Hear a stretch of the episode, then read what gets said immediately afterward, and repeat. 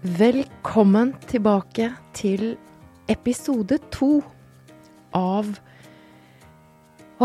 møtet med eh, forfatter, nytenker, det, en modig, modig stemme i eh, den norske samfunnsdebatten for tiden. Selveste Hilde Østby. Eh, og nå kan jeg jo fortelle litt om deg, da, for det har jeg jo ikke gjort før. Um, født i Oslo. Nå kommer det litt sånn født i Oslo. Norsk forfatter og skribent. Dette har jeg tatt ut av Wikipedia. Mm. Uh, uh, Canfelol, idéhistorie fra Blindern. Der skrev du om Shakespeare. Og har vært journalist i Dagsavisen, forlagsredaktør i Skipsted. Nå kommer vi med CV-en, ikke sant. Ja, ja. Det er for å skape litt frykt blant lytterne. det skal de ikke ha. Nei, jeg tuller. Men det er mer sånn der at å, og nå er hun her uh, hos, uh, hos, oss. Eh, Nasjonalbiblioteket har du vært innom. Kommunikasjonsansvarlig i Norsk faglitterær forfatter- og oversetterforening. Mm. der er vi begge medlemmer. Ja. Du, velkommen tilbake. Takk. akkurat nå blir jeg oppmerksom på um, Altså, dette handler jo om oppdrift. jeg blir oppmerksom på magen min. Uh, og jeg kan jo fortelle det at jeg kom, jeg kom litt for seint i dag. Husker mm. du det? Jeg skrev melding til deg. Ja. At jeg kom litt for seint. Og det var fordi Altså, det var fordi at jeg hadde prøvd så mange gensere. Og jeg, jeg endte opp med en uh, genser For jeg ble veldig oppmerksom på magen. Ja. Og jeg, vi kommer til å snakke om hvorfor også. At det mm. er ikke så uvanlig å være det. Uh, men er, jeg har en genser som jeg er så glad i, og den har jeg på meg nå. Men det tok så lang tid, for jeg, jeg, jeg har brukt den så lite, for jeg syns jeg får så stor mage i den. Mm. Altså, da er, vi, da er, vi, der. Og nå sitter jeg her og kjenner liksom hvordan uh, buksa uh, strammer litt sånn der over magen. Ja. Jeg for min del tok på meg en veldig sånn løs kjole nå, fordi jeg følte at magen var så stor, så jeg må liksom Nå har jeg en sånn stor A-formet kjole. ja. Og den er så fin. Den er grønn. Ja, er og du har sånne puffarmer og et sånt nydelig brosje som Etter mormoren min. Og det er etter mormoren din. Mm. Den er helt nydelig. Og jeg får da assosiasjoner fordi jeg kommer fra Røros, og der er det sørsamiske tradisjoner. Så jeg får litt sånn Ja, det er det sikkert. Fra 60-tallet, denne her. Ja, nemlig. Ja. Og så sitter jeg jo og holder litt pusten her, for det skal eh, Jeg sitter jo her faktisk sammen med deg, som jeg er full av beundring og mm, Vi snakket litt om sånn starstruckhet. For jeg fikk et øyeblikk av det der ute. Og da kunne du fortelle at det fikk du av eh, Are Kalve. Are Kalve, det skjønner jeg også kjempegodt. Ja. Jeg får veldig lyst til å snakke med Are Kalve her også. Ja, ja, ja. Men altså Mageboka. Mm. En nydelig liten bok som er skrevet som åpner døren til kjærlighet. Mm. For, uh, for, den der utrolige magen vår. Mm. Og så er det jo litt sånn fortvilelse underveis. Ja, det er det jo. Um, ja, det var jo mer at jeg Jeg vet ikke. Altså, de fleste tingene jeg skriver om, er jo sånn at jeg prøver å observere meg selv. Jeg regner meg selv som en veldig normal person, så jeg tenker at det jeg opplever, er sånn ekstremt vanlig. Eh, så jeg observerer meg selv, prøver å liksom mm, avsløre tankemønstre. Og dette var et tankemønster som plutselig ble veldig tydelig for meg. Den der eh, hatet mot magen, da. Magehatet. Og at det hadde vært der i 30 år. 30 år, liksom. Ja, nå er det jo ennå snart 32. Og jeg kjenner det så godt igjen. Eh, og det var sånn Det var, sånn, eh, det var en viktig erkjennelse for meg når jeg skjønte at oh my god, jeg har faktisk hata magen min i 30 år. Og det har rett og slett ikke hatt noe med hva jeg veier å gjøre. For jeg hatet magen når jeg mm. var ekstremt undervektig og egentlig burde vært på sykehus fordi jeg var så tynn, jeg var anorektiker. Da hata jeg magen. Jeg har hatet magen når, den er helt, når jeg har vært helt normal. og jeg har hatet magen uh, når jeg var veldig overvektig. For jeg har vært alt. Den, denne kroppen, denne rammen her, har, har liksom variert i 40 kilo, ikke sant. Mm. Fra det tynneste til det, til det tjukkeste, da. Mm. Så det var ikke noe sammenheng. Og da ble jeg enda mer nysgjerrig på hvor det, hvor, hvorfor det. Hvorfor i all verden har jeg brukt så mye krefter på dette? Hvor kommer det fra? Hva er det for noe? Og det var liksom sjokkerende for meg når eh, punkt én fant ut at det å hate på kroppen sin, da, det er ikke Det har ikke egentlig, som jeg fant ut selv, min, gjennom meg selv som eksperiment Det har ikke noe med størrelsen din å gjøre. Dette er et enormt, en enorm studie som ble gjort på 6000 studenter i Finland, på Gaza og i Egypt. Og de valgte så forskjellige steder bare fordi de ville se om det var noe som var kulturelt likt. Eller altså de, om det var noe som var på tvers av kulturer, var likt. Og da fant de ut at um, veldig mange av disse studentene hata på kroppen sin. Mm. Og det hadde ikke noe med BMI å gjøre. Det hadde noe med markører for depresjon å gjøre. Så eh, det er lettere å hate eh, noe på kroppen sin hvis man er eh, deprimert. Mm. Og eh, det er eh, Forskerne mener bare at det, det, er en sammenheng i hjernen. De kan se det i hjernen, hvordan disse tingene henger sammen. Men eh, det er jo også sånn logisk at hvis du føler deg fanga i livet ditt, og tenker at noe burde være annerledes, um, så er det lettere å ta sin egen kropp enn å ta andre ting, da. Å gjøre endringer, tenker du på? Eller ja, altså det er lettere å tenke sånn Hvis jeg bare hadde tynn mage, så ville livet mitt vært Ja. kjempebra. ja, nemlig. Og det er jo litt det vi gjør eh, Det er jo det mishandla barn gjør. Altså veldig ofte så tar de rollen som den aktive agenten og sier til seg selv Hvis jeg bare var et annet barn, så ville jeg ikke blitt slått av faren min. Tar ansvaret for det. Da tar man ansvaret, og det er mye tryggere. Ja, Du har mer kontroll. ja nemlig. Fordi Det er jo logisk, når, du, når du er deprimert, og verden virker sånn mørk og svart, Mm. så er det jo Ja, da har du en veldig håndterlig ting, da. Du kan ta den der magebolla istedenfor å Magebolla. ja, begynne å ta, eh, liksom, ta fatt på livet der ute. Ja. Det virker mer skummelt da. Mm. Så det er en funksjon. Det er en funksjon. Har en Alt vi funksjon. Mm. gjør, har en funksjon, selvfølgelig. Men det er ikke noe I lengden er det en dårlig strategi, da. Hva ville vært en bedre strategi? Eller Nei. hva er en bedre strategi for deg?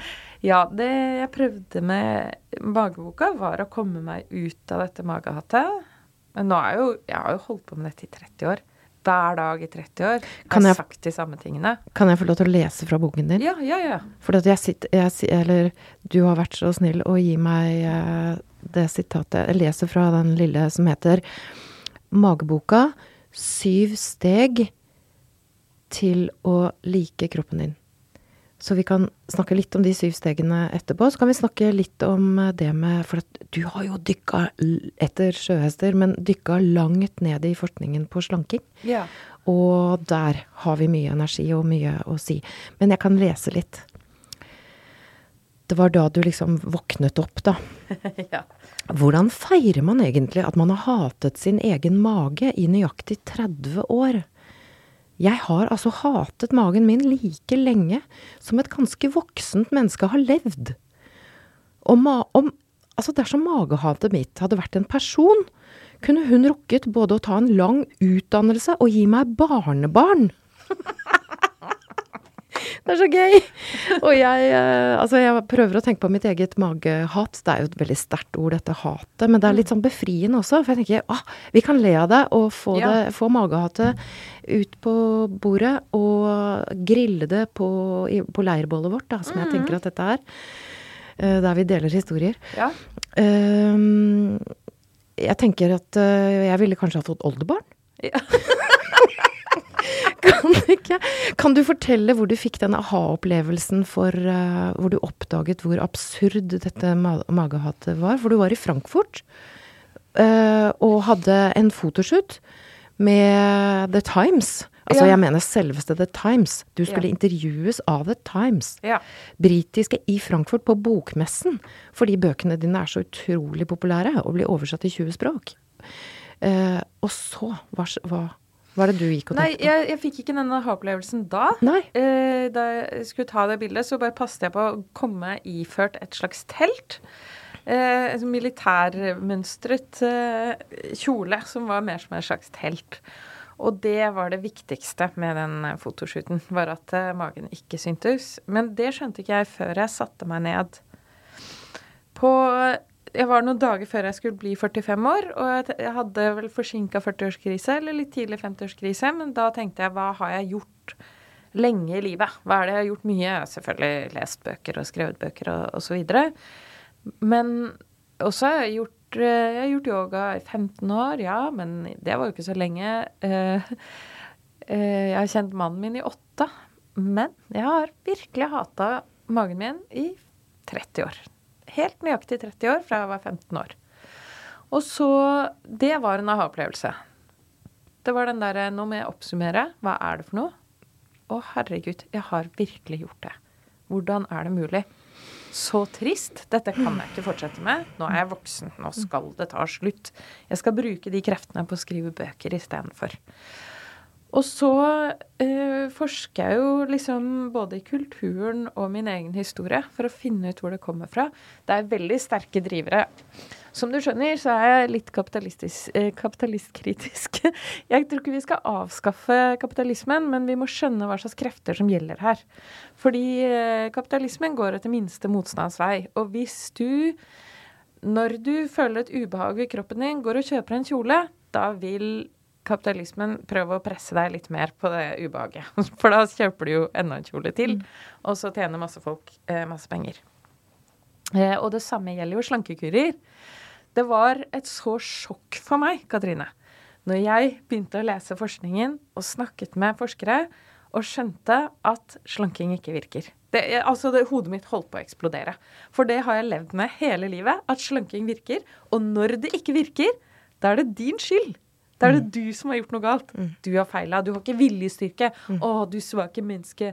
Og det er eh, så ondt. Ja. Det er så ondt når vi vet nå fra forskningen at det bare Det funker bare ikke. Og det er flere og flere. Altså det er jo sånn at fastleger ikke alltid er oppdatert på eh, den nyeste forskninga. Så de Og altså hele helsevesenet i stor, større eller mindre grad er skrudd ut fra tanken på at eh, en tjukk person er en, eh, en usunn person.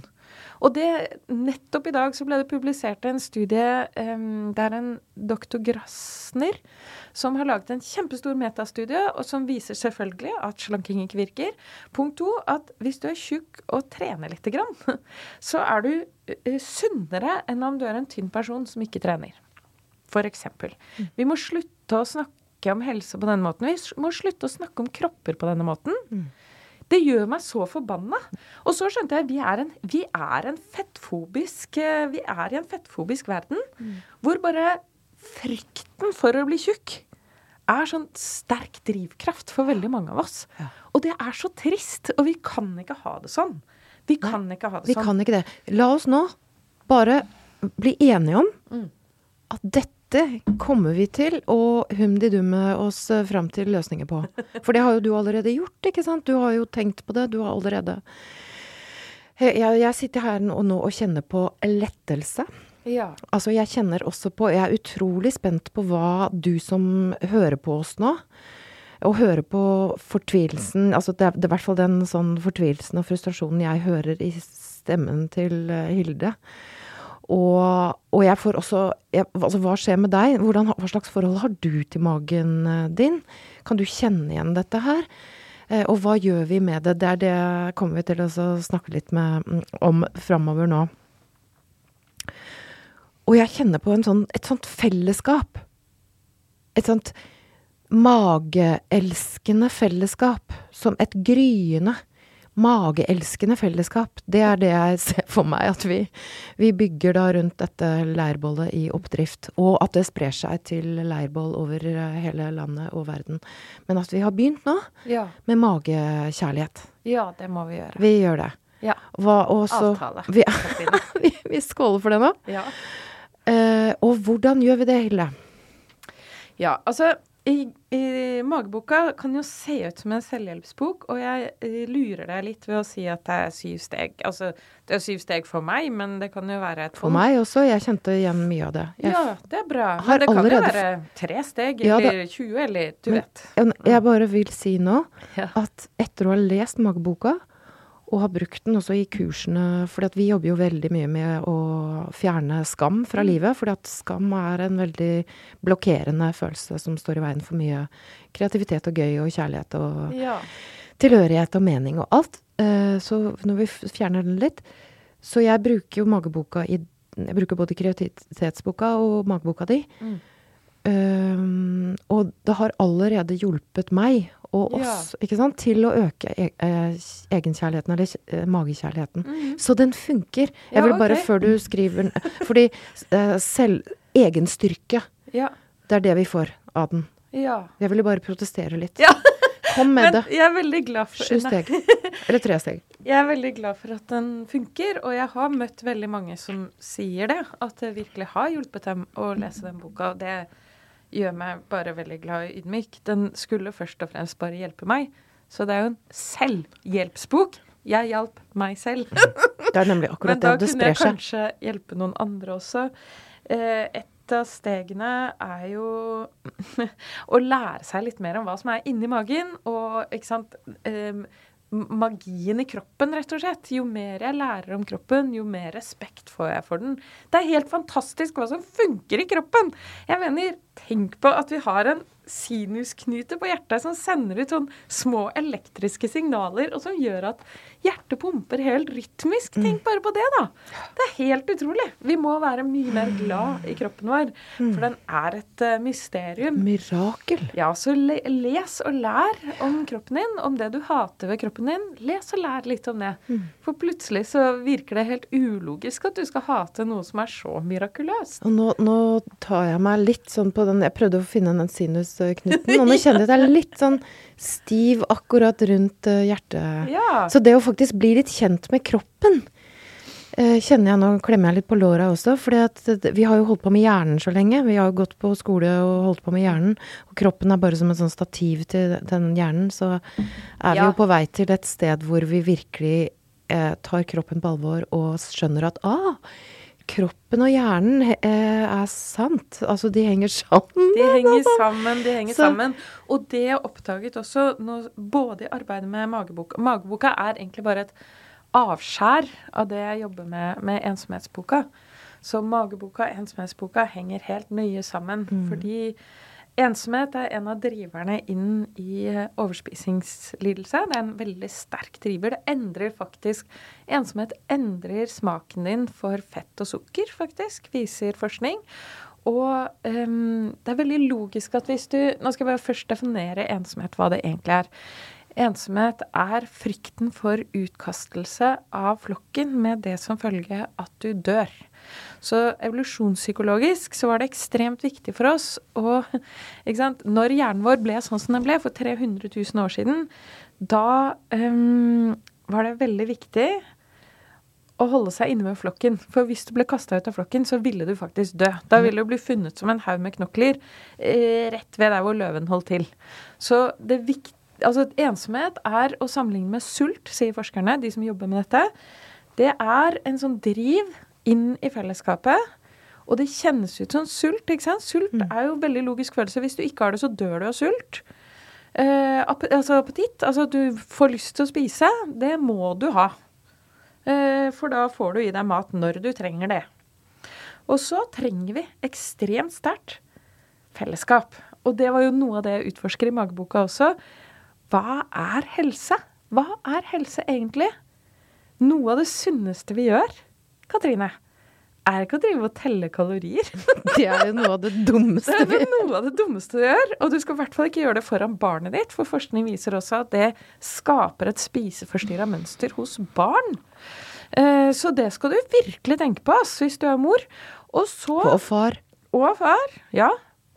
Godt poeng, fordi stadig flere menn slanker seg. Gutter ned i fire års alder vil ha større muskler. Ikke sånn morsomt. Jeg vil vel ha litt store muskler, men sånn på en manisk og usunn måte. Så um, hvor var vi? Jeg falt ut av tiraden min. Det er helt supert, for da er du sikkert der hvor de hum de dum-stedet ditt. Nei. Nei, Jeg er på våre det gjør ingenting, for vi kommer til å finne fram igjen. Og, og du snakket om gutter på fireårsalderen, og det, Jo, hva hva er er helse? Hva er helse? er egentlig helse? Mm. Og så fant jeg ut at der hvor de lever til de er 100 år, mest Sånn de blå sonene, da. Ikke sant? Hvor lever de til de er 100 år? Eh, I blå soner, f.eks. i Okinawa. I Okinawa så trener de jo ikke veldig mye, og de spiser ikke så sunt. Er vi i Japan, da? Eh, Det er en øy utenfor Japan, men det er en veldig spesiell kultur der. Det er ikke en typisk japansk kultur. Mm. Den ble bare tatt av Japan, egentlig, og innlemmet i det japanske riket. Men det er ikke en gammel japansk øy. De har en helt egen stil på Okinawa. Det er veldig sterke fellesskap på Okinawa. Ok Okinawa. Og de graver i hagene sammen. Og de synger karaoke sammen. Og så eh, er det forskningen på de harediske jødene. De harediske jødene gjør alt feil, ifølge det vi har lært da, i gamle dager. De gnafser i seg fett og sukker. Veldig lite grønnsaker i den dietten der. Og gifter seg gjerne med kusina si og sånn, så det er ikke genetisk at de blir så gamle. Fordi de, du vet, det er ikke noen fordel å gifte seg med kusiner. Og så, eh, men så har de ekstremt sterkt eh, fellesskap der også. Veldig sterkt fellesskap. Hvis én kommer i gjeld, f.eks., så hjelper de andre med å betale den gjelda. Forskning på søvn viser jo at det er ingen som sover så godt som de som er med i en sekt. Så jeg vil virkelig anbefale alle, hvis de er opptatt av helse, bli med i en sekt. Og da så jeg Da, da går jeg hjem og googler eh, eh, Bislett sekt. Ja. Det er jeg- masse sekter rundt der. Rundt Bislett. Jeg, altså jeg sitter og nikker, og hele kroppen min nikker. Og jeg, eh, jeg ikke bare nikker, jeg, eh, jeg er så takknemlig, Hilde. Altså jeg kjenner på en sånn dyp takknemlighet for at du graver i ikke bare jorda, men også i alle disse forskningsfeltene. For jeg kjenner så godt igjen dette med ensomhet Mm. og gnafsing. Ja. eh, Etter å ha bodd alene hele mitt voksne liv. ja. Og ja, og det er jo ikke ulogisk. Og det er så mye gnafsing eh, i det, og det er ikke noe rart. Nei, det er ikke ulogisk, fordi hvis du tenker at eh, Hvis du føler at du eh, ikke hører til i en flokk, Mm. hvis det ikke er en flokk der som skal passe på deg, så tar du den maten som kommer, Som din vei, og bare lagrer den på Ja. kroppen din. Og det er sånn Ikke sant? Det er jo selvfølgelig gjør du det. Og så er det så deilig å slippe, for når du forteller om det, og når jeg leser mageboka, så slipper altså skammen taket. Ja. For jeg, tenk, jeg kjenner og føler og håper da at det sprer seg til alle som hører på, og enda mye lenger, at vi er jo ikke aleine. Altså, er, det er ikke noe rart at vi gjør det. Mm. Og så har vi blitt opplært i en individuell kultur Ja. som også har sine fordeler, men det er det å Altså, det er det å leke med begge deler Ja. og finne en balanse som fungerer, og vite at det er ikke noe gærent med meg, selv om jeg kjenner at jeg er utenfor flokken, og noen ganger er det en veldig fint å gå utenfor flokken, for der finnes det jo nye løsninger, og, og der finnes det andre som er utenfor sine flokker, og så kan vi bli en flokk. Mm. Og det har skjedd i mitt liv. Mm. Altså gått ut av flokker, og så har jeg funnet en rar, liten, fin flokk Ja. eh, med folk som trener emosjonelt, Mm. og det sprer seg jo som eh, varme kanelboller. Ja. Eh, Så det bra. deilig. Ja. Ja, sånn er det jo. Altså at vi mennesker er Det er, er veldig tydelig, ikke sant. Vi kan ikke snakke om Det er kanskje derfor jeg var sånn kritisk til å tenke på mageboka som en uh, selvhjelpsbok eller et triks inn i å ikke hate på kroppen din. Fordi det jeg vet fra forskningen, er at vi mennesker er veldig forskjellige. Altså vi er motsatt av pandaer. Pandaer har én Så strategi. Ja, det er De er så fine. de er veldig søte, men de har bare én overlevelsesstrategi. Alle pandaer har samme overlevelsesstrategi, og det er å spise den ene tingen på det ene stedet i Kina. Ikke sant? Eller maurslukere, da. De skal bare ha den ene De har den spisse snuten og den veldig lange tunga for å spise termitter. Og hvis de blir berøvet det, det miljøet der, så er det over. Men vi mennesker, vi har sånn tusener av overlevelsesstrategier. Vi spiser alt mulig rart. Vi er i alle klimasoner. Vi har funnet strategier for overlevelse i alle mulige miljøer. Ikke sant? Og det er fordi vi som flokk har, vi har folk til alt. Mm. vi har noen folk som er skikkelig gode til å gjøre ting med hendene og ser sånn 3D, ikke sant. Vi har noen folk som eh, er veldig kreative og har veldig luftige ideer, liker å gå litt for seg selv. Og vi har noen folk som er veldig flinke til å fortelle historier, og vi har noen eh, folk som liker å passe på flokken og passe Struktur, på at um, og, og noen sitter og ja, ikke sant, teller tall og får tallene til å Ja, rydder og alt det der. Mm. Og det er ikke sånn at du som menneske bare har den ene rollen i flokken. Du kan ha veldig mange roller, og du kan ha mange av disse egenskapene mm. og sjonglere mellom dem. Så vi er veldig mangfoldige, vi er veldig individuelle, men vi må, og det glem, den moderne individualismen hopper over det faktum at vi trenger andre mennesker. Vi trenger de så det gjør vondt. Vi trenger fysisk kontakt. Jeg har forska på det. Altså at vi må, eh, vi må kose på hverandre. Mm. Ikke glem at vi er ganske like aper. Og aper bruker veldig mye tid bare på å sitte og kose på hverandre og mm. pille hverandre på ryggen. Åh, oh, det vil jeg gjøre mer av. Pill på ryggen, Katrine. Kose og pille på ryggen. Ja, det Men må hva, du gjøre. hva er grunnen til at vi ikke gjør det? For det er så innlysende. Har vi lært at det er kleint, eller er det, det er liksom, Vi kan jo ikke gå og kose på folk helt uten Jeg hadde kjempelyst til å kose med deg da du kom, men jeg turte jo ikke det. Jeg var jo så starstruck. men altså litt sånn Hvordan blir vi bedre kosere? Er det en av strategiene i boka? Ja, det husker jeg ikke egentlig, men det er en av mine strategier i livet. er selvfølgelig å kose mer. Eh, og jo mer jeg har lest om det som heter C-taktile afferenter C-taktile afferenter er et sett av nervetråder som går eh, under huden. Det er ikke smertereseptorer. De er bare til å registrere kos.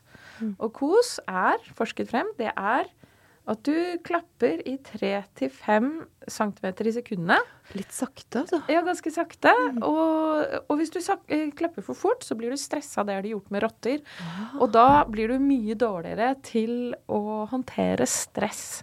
Så de har gjort det på rottebabyer, og de rottebabyene som ble kost for fort, det gikk dårlig med de. de for det var litt sånn utålmodig kosing? Men vi må snakke litt om forbindelsen mellom kropp og sjel. Vi kan jeg si én ting først? Ja. Eh, fordi at nå både du og jeg satt og koste med oss selv. Ja. Altså, og det er undervurdert også, bare sånn for å legge inn det. For jeg driver jo med selvhjelp, egenstøtte. Mm.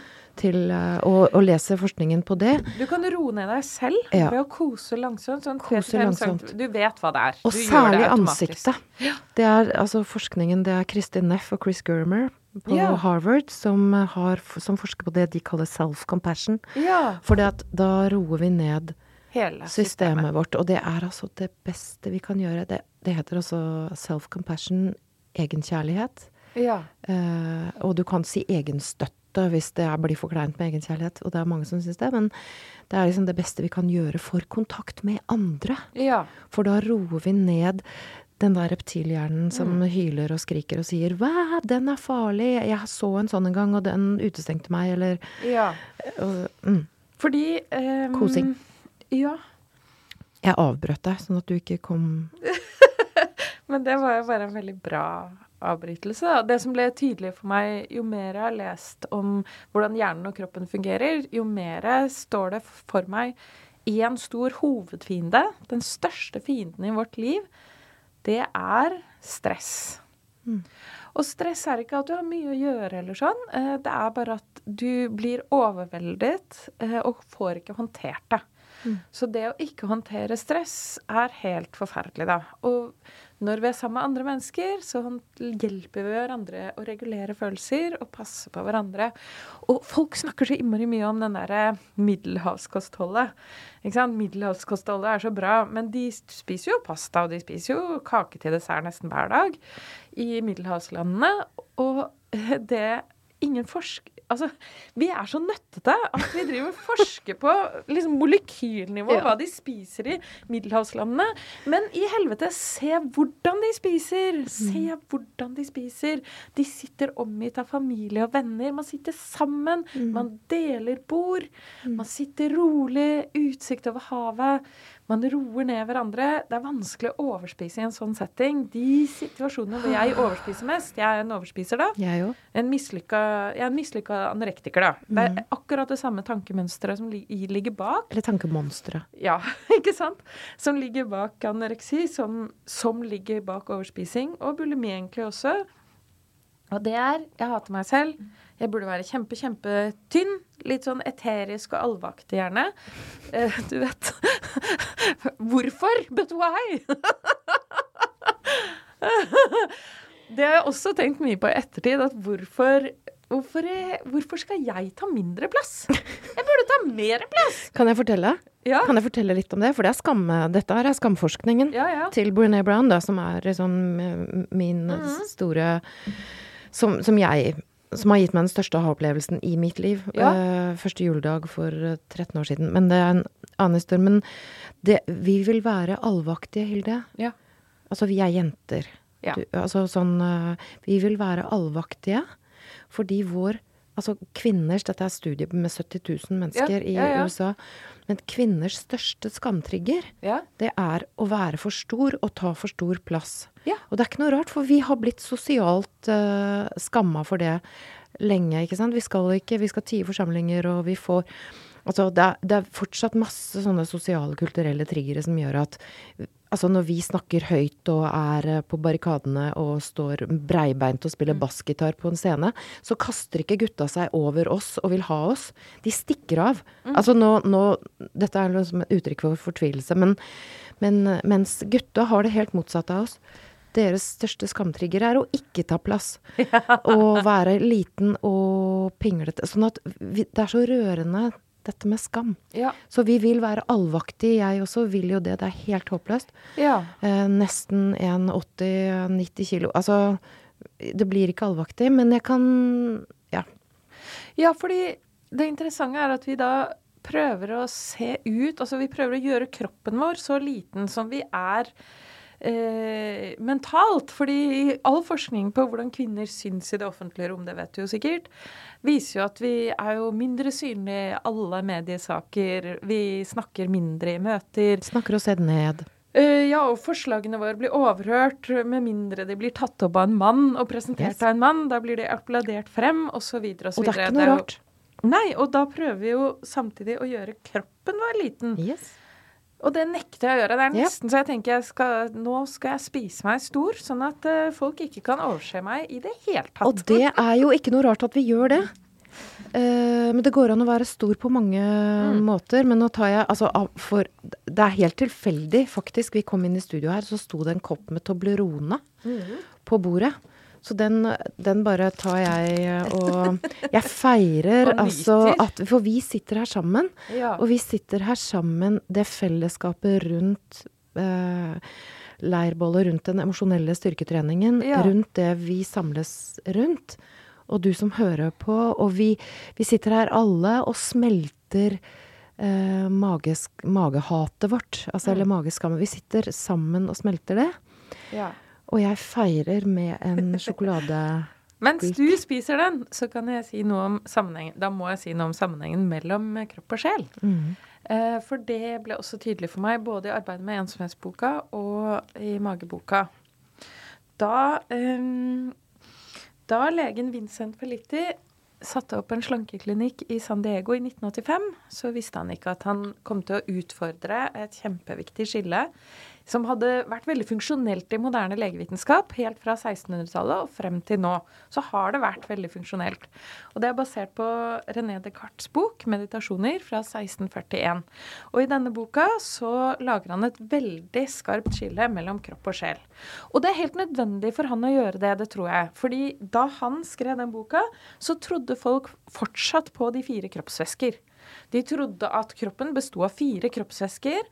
Eh, blod, slim, svart galle, gul galle. Og hvis de var litt i ubalanse Dette er galenos, dette er grekeren galenos fra antikk tid.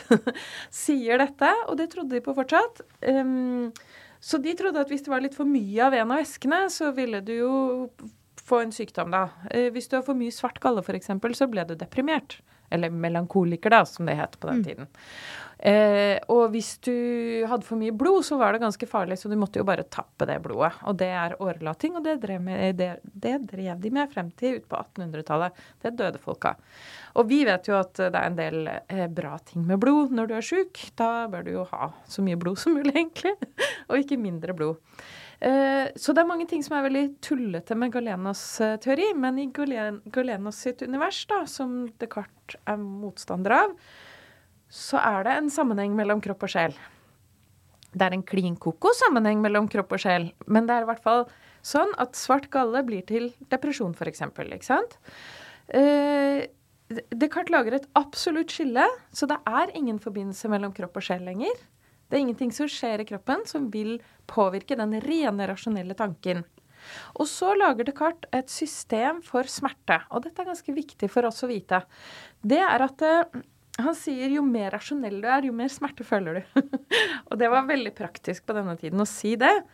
Eh, For vi er nå på 1600-tallet, og vi er midt i imperialismen. Og um, det er eh, veldig praktisk hvis vi har et uh, hierarki av smerte som går fra hvit mann, føler mest smerte, kvinner ganske irrasjonelle, føler mindre smerte. Barn føler nesten ikke noe smerte, de er jo helt irrasjonelle. Dyr føler null smerte. Dyr er sånn at du kan slå dem med en hammer, og så lager de noen rykninger, men det er helt mekaniske rykninger, skriver Descartes. Og så vil jeg tro, men han sier ikke det i boka si, så vil jeg tro at slaver er nede i dyreland der. Ikke sant? De er som dyr å regne. Ehm, og da er det jo veldig lett å bruke slaver, da. Hvis du har laget en teori som sier at Mm. slavene føler ikke smerte, så kan du jo bare påføre dem ekstreme smerter. Uten å kjenne smerte selv. Ja, så da gjør det ikke noe. Da er du ikke en slem person da, hvis du utnytter eh, folk fra andre land. Da. Så det var praktisk, og det var effektivt, og det Ja, var eh, lønnsomt, ikke sant? Tjener penger på det og alt det der. Så, eh, og dette skillet har fortsatt frem til den dag i dag. Og det har gjort at vitenskapen har kunnet gjøre veldig mye ting. På samme tid så utforsker Harvey em, blodomløpet og beskriver blodomløpet som et pumpesystem istedenfor, sånn som det var tidligere, at hjertet var organenes konge, forbundet med solen. Mm. Ikke sant? Du kunne medisinere deg med, ved hjelp av gull, for gull og solen hadde med Mm. hverandre å gjøre. Altså det, du skjønner jo, det er klin kokos. Du blir jo ikke frisk av det. Eh, Folk hjerteinfarkt, spise gull, det går dårlig. Men liksom Du eh, slår inn åpne dører her, Hilde. Ja. Men, så det er veldig mye logisk som skjer på, på grunnlag av Descartes. Men så, når Feliti setter opp denne slankeklinikken Nå kommer jeg til poenget, det høres ut som jeg ikke vet hvor jeg skal, men Jo, jeg vet hvor jeg jeg skal. Jeg stoler veldig på det. ja. Når han setter opp den klinikken, så behandler han folk fra middelklassen i San Diego som er sykelig overvektige. Og de vet selvfølgelig at brokkoli er lurt, og det er lurt å trene, og de går ned alt det de skal. Og idet de setter foten ut av klinikken til Felitti, så går de opp igjen alt, ikke sant. Og litt til, da. Og Felitti blir veldig opptatt av, eh, av hvor frustrerende det er å drive og slanke folk uten at det virker. Og nå vet vi jo, det er mange grunner til at det ikke virker, men Felitti gjorde noe helt revolusjonerende. Han tok folk inn igjen, og så spurte han dem hva som hadde skjedd i livet deres. Hva skjedde i livet ditt da du begynte å spise veldig mye? For han fant ut at de fleste som var sykelig overvektige, hadde blitt det veldig fort. Ikke over lang tid. Det hadde skjedd plutselig, og noe hadde skjedd rett før. Og det noe, det var blant annet så oppdaget han, og han ble veldig overrasket over det, og det er helt riktig å bli overrasket over det, at over halvparten av de kvinnene han snakket med, de hadde blitt voldtatt rett før de begynte å legge på seg. Og det er et høyt tall, fordi i Norge så er det offisielle tallet på antall voldtekter er at 9% av alle kvinner blir voldtatt. Jeg tror vi kan si at det egentlig er det dobbelte. Bare la oss si det. Det er et mørketall, da. Eh, De veldig, altså jeg oppdaget jo at jeg hadde blitt voldtatt. Jeg hadde jo definert det ut av min historie. Det var ikke en voldtekt. Jeg ble jo med han frivillig hjem, så der var det ikke en voldtekt. Jeg tror nok det er mange sånne historier. Festvoldtekter, sovevoldtekter, du har voldtatt av ektemannen din, etc. Da blir det ikke telt. Men selv om vi sier at det er dobbelt så mange, da, altså er 20% 20 da. Hvis vi sier det er det vanlige tallet, da er 50% eller 55% som Felitti fant, det er kjempemye. Og så begynte han å spørre mer, og så fant han ut at det var jo veldig mange traumer som lå, lå bak overspisingen. Han satte opp en liste, og han kalte det ACE. Ja, nå er vi der. Lista var uh, Adverse Childhood Experiences, kalte han denne lista. Ja. ACE. Og så, uh, det er sånn uh, at en av foreldrene dine har drukket masse alkohol, eller at en av foreldrene dine har tatt selvmord, eller at du har blitt slått, mishandla, utsatt for voldtekt, at noen i familien er psykisk syk, osv. osv. Mobba. Mobba etc. Ja, absolutt alt du kan tenke deg av barndomstraumer. Den ligger inni den lista her. Hvis du kan krysse av på ett punkt på den lista, så øker sjansen for alvorlig depresjon med 10% hos gutta og 18% hos jentene. Mm. Og hvis du krysser av for eh, seks punkter på den lista, så øker sjansen din for sykelig overvekt med 4600% 4600% Og det er Det mange henger grunner sammen, til det. dette her. Ja, Veldig. Mm. Kroppen og sjelen henger sammen. Eh, Det ene forklaringen er jo at ethvert traume vil kaste deg inn i søvnløshet, altså gjøre at du sover mye dårligere. Og sover du dårligere, så eh, driver det opp appetitten i løpet av dagen.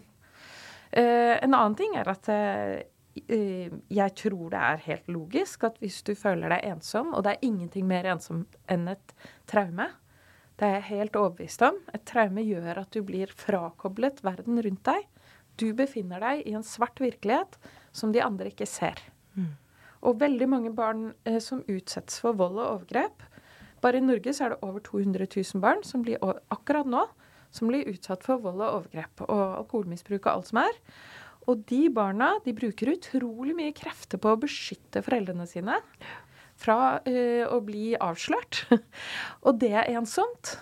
I tillegg, når vi snakker om ensomhet som frykten for utstøtelse av flokken Det er ingen viktigere flokk i ditt liv enn din nære familie. Og hvis noen i din nære familie hele tiden forteller deg at du ikke er noe verdt, Mm. og du ikke er verdt å passe på, da er det ikke noe skumlere utstøtelse enn den utstøtelsen der. Så disse barna er i et enormt krysspress hele tiden, som gjør dem dobbelt ensomme. Dobbelt ensomme, ikke sant? Og det er både driver, eh, driver søvnløshet, men også det er et ekstremt stress. Altså det forskerne har funnet ut, er at eh, du vet, Berit Nordstrand snakker masse om sånn giftig stress, og at det Ja. driver sånn lavintensive betennelser hvis du spiser det og det. Men da underslår hun den viktigste delen av den forskninga. For den viktigste delen av den forskninga viser at ensomhet driver lavintensivt, eh, lavintensive betennelser pga. at du blir så stressa. Ja. Og da Og det er kortisol over lang tid. Ikke sant? Altså Det bryter ned kroppen Ja. over lang tid. Og det er mye farligere for deg ja. enn om du spiser den pølsa. Og det, den, eh, de lavintensive betennelsene driver hjerte-karlidelser, eh, diabetes, søvnløshet, autoimmune sykdommer, overvekt. Eh, du blir hypervigilant, altså at du blir hele tiden på vakt, som du beskriver. At man er redd på vakt, Ja. stoler ikke på noen. Um, og det driver også depresjon. Så Mm. alle disse tingene viser jo hvordan kropp og sjel henger veldig nøye sammen. Og nå må jeg bare dra den siste kjempeforskningen, som er Julian Holt Lundstad, som ville virkelig finne ut av dette. Hva gjør eh, Hva er det som er ordentlig farlig for helsa? Hva er det ordentlig farlig for helsa? Hun samlet inn data fra 300 000 mennesker. Altså en, li en liten by, eller en stor by hvis det er Norge. Og eh, hun eh, justerte for alle mulige faktorer for å finne ut hva er det som gjør at vi dør tidligere enn vi må. Og da fant hun at det som øker faren for tidlig død med 26 verre enn å røyke 15 sigaretter om dagen, altså, ensomhet. Mm. Verre enn den pølsa, altså. ja, det er verre enn den pølsa. Derfor blir jeg så rasende når vi snakker om mat. Når det vi skal snakke om, Mm. det er psykisk helse. Psykisk Det er det helse vi er det viktigste. Og altså, jeg sitter jo og kjenner på mange uh, Jeg kjenner på mange følelser. Jeg sitter og holder litt pusten, fordi at uh, det er jo um, Det er vondt å høre på. Altså, det er, det er vondt. Eh, og så kjenner jeg på også et sånt håp. Altså, og det er fordi jeg kjenner på en sånn glede og håp over Ace Ja. over at vi Altså, det er min drøm. En av mine drømmer er at vi kan løfte fram det veldig sterke ordet som er traume, Mm. og, og pakke det ut. Og, og, og avmystifisere, normalisere det. For det er så veldig mange av oss som går med Og det er ikke sånn at noen, mitt traume er bedre enn ditt, holdt jeg på å si. Eller, altså, Nei, det kan man det ikke jo, si. Ikke sant, så det den veldig viktige jobben vi kan gjøre ved å normalisere. Og ikke på toppen av en sånn opplevelse som har vært uh, fryktelig, legger den skamfølelsen og den ensomhetsfølelsen. Og det er en av Det er et av de store målene med, med Oppdriftspodkasten, med den emosjonelle styrketreningen, med hele det leirbålet vi holder på med. Det er å normalisere alle de følelsene som vi går og som klasker på toppen av eh, livet som gjør så vondt, ikke sant. For Ja. eh, altså, smerte er en så stor del av livet. Ja. Og hvis jeg går rundt og tror at jeg er aleine om det, og det er vi ikke, sånn at den, det er det som gjør meg håpefull. Ja. At dette er for det første at, liksom, at vi har fått ACE, at vi har fått lista. Ja. Og at nå kan vi Ah, jeg kan sjekke av mobbing, f.eks. Ja. Skifta klasse Ja. eh, fordi at eh, Ja. Kjempestressa. Lærte ingenting. Men har jo vært kjempeheldig. Men kjenner fortsatt sånne mobbetraumer når folk blikker meg eller kaller meg pinlig i det jeg driver med, eller et eller annet sånt. Så blir jeg Ja. Men vi er så mange, sånn at det, eh, det håpet er at vi nå Altså jeg er igjen sånn, Hilde. Vi eh, kommer til å normalisere det, altså det ubehaget og det som gjør vondt, sånn at vi kan avtraumatisere oss, eller helbrede, da. Helbrede oss og komme sammen. At vi mennesker kommer sammen istedenfor å lage sånne fryktbaserte demonskikkelser av hverandre. Som det ikke er noe rart at vi gjør. Ja. Men det er jo dette som ligger bak polariseringen, og det er jo denne frykthistoriene Ja. som vi kan begynne å Åh, det er jo Altså, vi Det å nå fram til hverandre, da, tror jeg Jeg tror veien går gjennom å dele historier sånn som vi gjør nå. Ja, det er jeg helt sikker på. Det er, det er den eneste muligheten, på en måte. Og det, og det var jo det jeg oppdaget med Mageboka, at når jeg begynte å grave i disse tingene, så var det plutselig ikke noe rart noe av det kroppshatet jeg hadde følt. Fordi jeg ble jo voldtatt når jeg var 15 år. 15 år, da startet hatet mot magen. 15 år, da ble jeg voldtatt første gang. Og jeg skrev egentlig om to voldtekter i den boka, men forlaget sa det var litt for sterkt. Det var litt for mange. Det var litt for mye. Men forskningen viser at det er helt vanlig å bli voldtatt en eh, andre gang når du har blitt voldtatt en gang allerede. Så det er det mest vanlige. Mm. Det er mer uvanlig om du blir voldtatt bare én gang. Eh, Ja. Men det virker veldig mye sett utenfra, men du blir dårligere til å vurdere situasjoner. Og Fordi vi er skvettende, altså Nei, ja, du, du, blir, du stoler jo ikke på dine egne signaler. I tillegg til at jeg jeg som voksen så oppsøkte jeg farlige situasjoner, og det er også veldig kjent. At etter et traume så oppsøker du farlige situasjoner fordi du vil prøve å beherske situasjonen. Du vil vise at nå er jeg Nå sterk nok. jeg den. Ja, Ja, nå Nå eier jeg jeg den. Det er ikke noe rart. Nå fikk jeg et lite aha-opplevelse Ja, igjen. Det var jeg- bra. Ja, faktisk. For det her er forskning, altså det, Mm. og når jeg skjønte det, så skjønte jeg plutselig den vo- voldtekten som jeg nevnte i stad.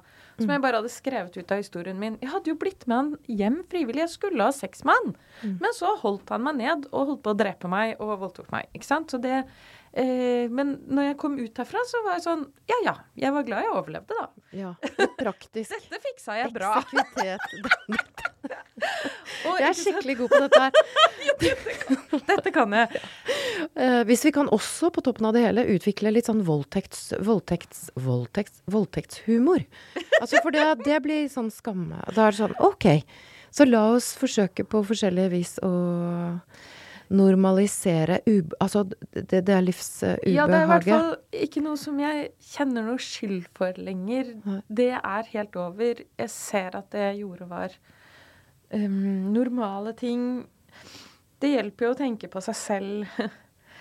Dette har jeg jo lært av psykologen min da, i årevis. Tenke på seg selv som det lille barnet. Du, Mm. Ja. ikke sant? Ville du ønsket dette for ditt barn? Ville du synes at ditt barn fortjente dette? Mm. Ville du ønske at ditt barn skulle liksom hate på sin egen kropp? Nei. Eller bli utsatt for en voldtekt og så si sånn Nei, det fortjente du. Ble, du ble mann han hjem. Ja. Du ville jo ikke det. Um, og den omsorgen må man komme frem til i sitt eget liv, og overfor, og overfor andre mennesker også. Vi må uh, hva, Altså, vi skal jo snart dø alle sammen, Medfølelse. så kan vi ikke være litt sjenerøse? Vi la, la oss gå inn for landing med det. For jeg føler igjen at jeg har vært ute og fløyet. Høyt og lavt over landet og vannet. Og så går vi inn for landing med tanken og følelsen av å være et fellesskap. Altså være et Ja. menneskelig fellesskap. Det skal vi være. Vi er vi, Det er vi. Og eh, vi fortsetter å bygge det fellesskapet på forskjellige måter. Mm. Uh, og jeg skal hjem og google Bislett og sekt. Nei, det var eh, litt Neida, sånn det- eh, altså- fellesskapstull. Ja, fordi Øh. det er jo mange ting med en sekt som ikke er så bra. Ja, du Så jeg velger velger er- heller noe annet. Ja, Jeg, jeg velger heller et kor. kor er fantastisk. Ja, Eller, og jeg, jeg spiller i Synge korps. Synger så bra. Ikke sant? Så jeg synger Korps korps og øves i eh, med storbandet. Ja. Så det å bygge Altså finne noe du elsker, altså om det er strikking Nå bare eh, Ja. husker jeg hva det er du har skrevet i Ja. mageboka. Altså finne noe Og bygge det fellesskapet rundt. Og skjønne og at det er som ikke er prestasjonspreget. Ikke Og det er det som er så bra med Lek. korps, fordi det er jo det, De færreste blir jo med i noe mesterskap i korps. Du Mm. kan ikke vinne korps. Det er liksom bare for tapere, holdt jeg på å si. det er for, det er for Det er Eh, ikke for å vinne noe, det- da. Det er for å lage noe sammen med andre. Ja, å være i fellesskap. Ja. Og derfor så går datteren min på korps og ikke på fotball. For fotball Mm. handler om vinnerkultur, mens korps handler ikke om vinnerkultur. Og så, og så er det å, å finne det som fungerer for oss, for, for deg, altså du som Ja. lytter. Tusen takk for at du har vært med oss og fløyet over vannet. Jeg er så spent på hva som skjer i deg mens du hører på oss. Fortell gjerne det eh, i den lukkede gruppen vår på Facebook som heter Emosjonell styrketrening. Det er det vi sitter her og holder på med. Eh, bygge egenstyrke. Eh, normalisere det utrolig smertefulle, vidunderlige det er å være menneske. Eh, og ja, vi har sittet her og hatt eh, Hilde Østby med oss. Vet du hva, Hilde? Tusen, tusen takk. Tida bare flyr sammen med deg. Jeg elsker å sitte og høre på deg. Det var veldig stor glede å være her. Tusen takk.